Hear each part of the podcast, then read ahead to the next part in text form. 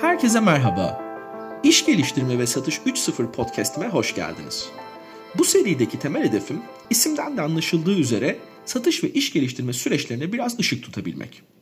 İster yeni kurulmuş tek kişilik bir startup olsun, isterse binlerce çalışan olan bir kurumsal şirket, her kurumun temel hedefi büyümek ve daha çok para kazanmaktır. Bunun için işi geliştirmeye, işi geliştirmek içinse satış yapmaya ihtiyacı vardır.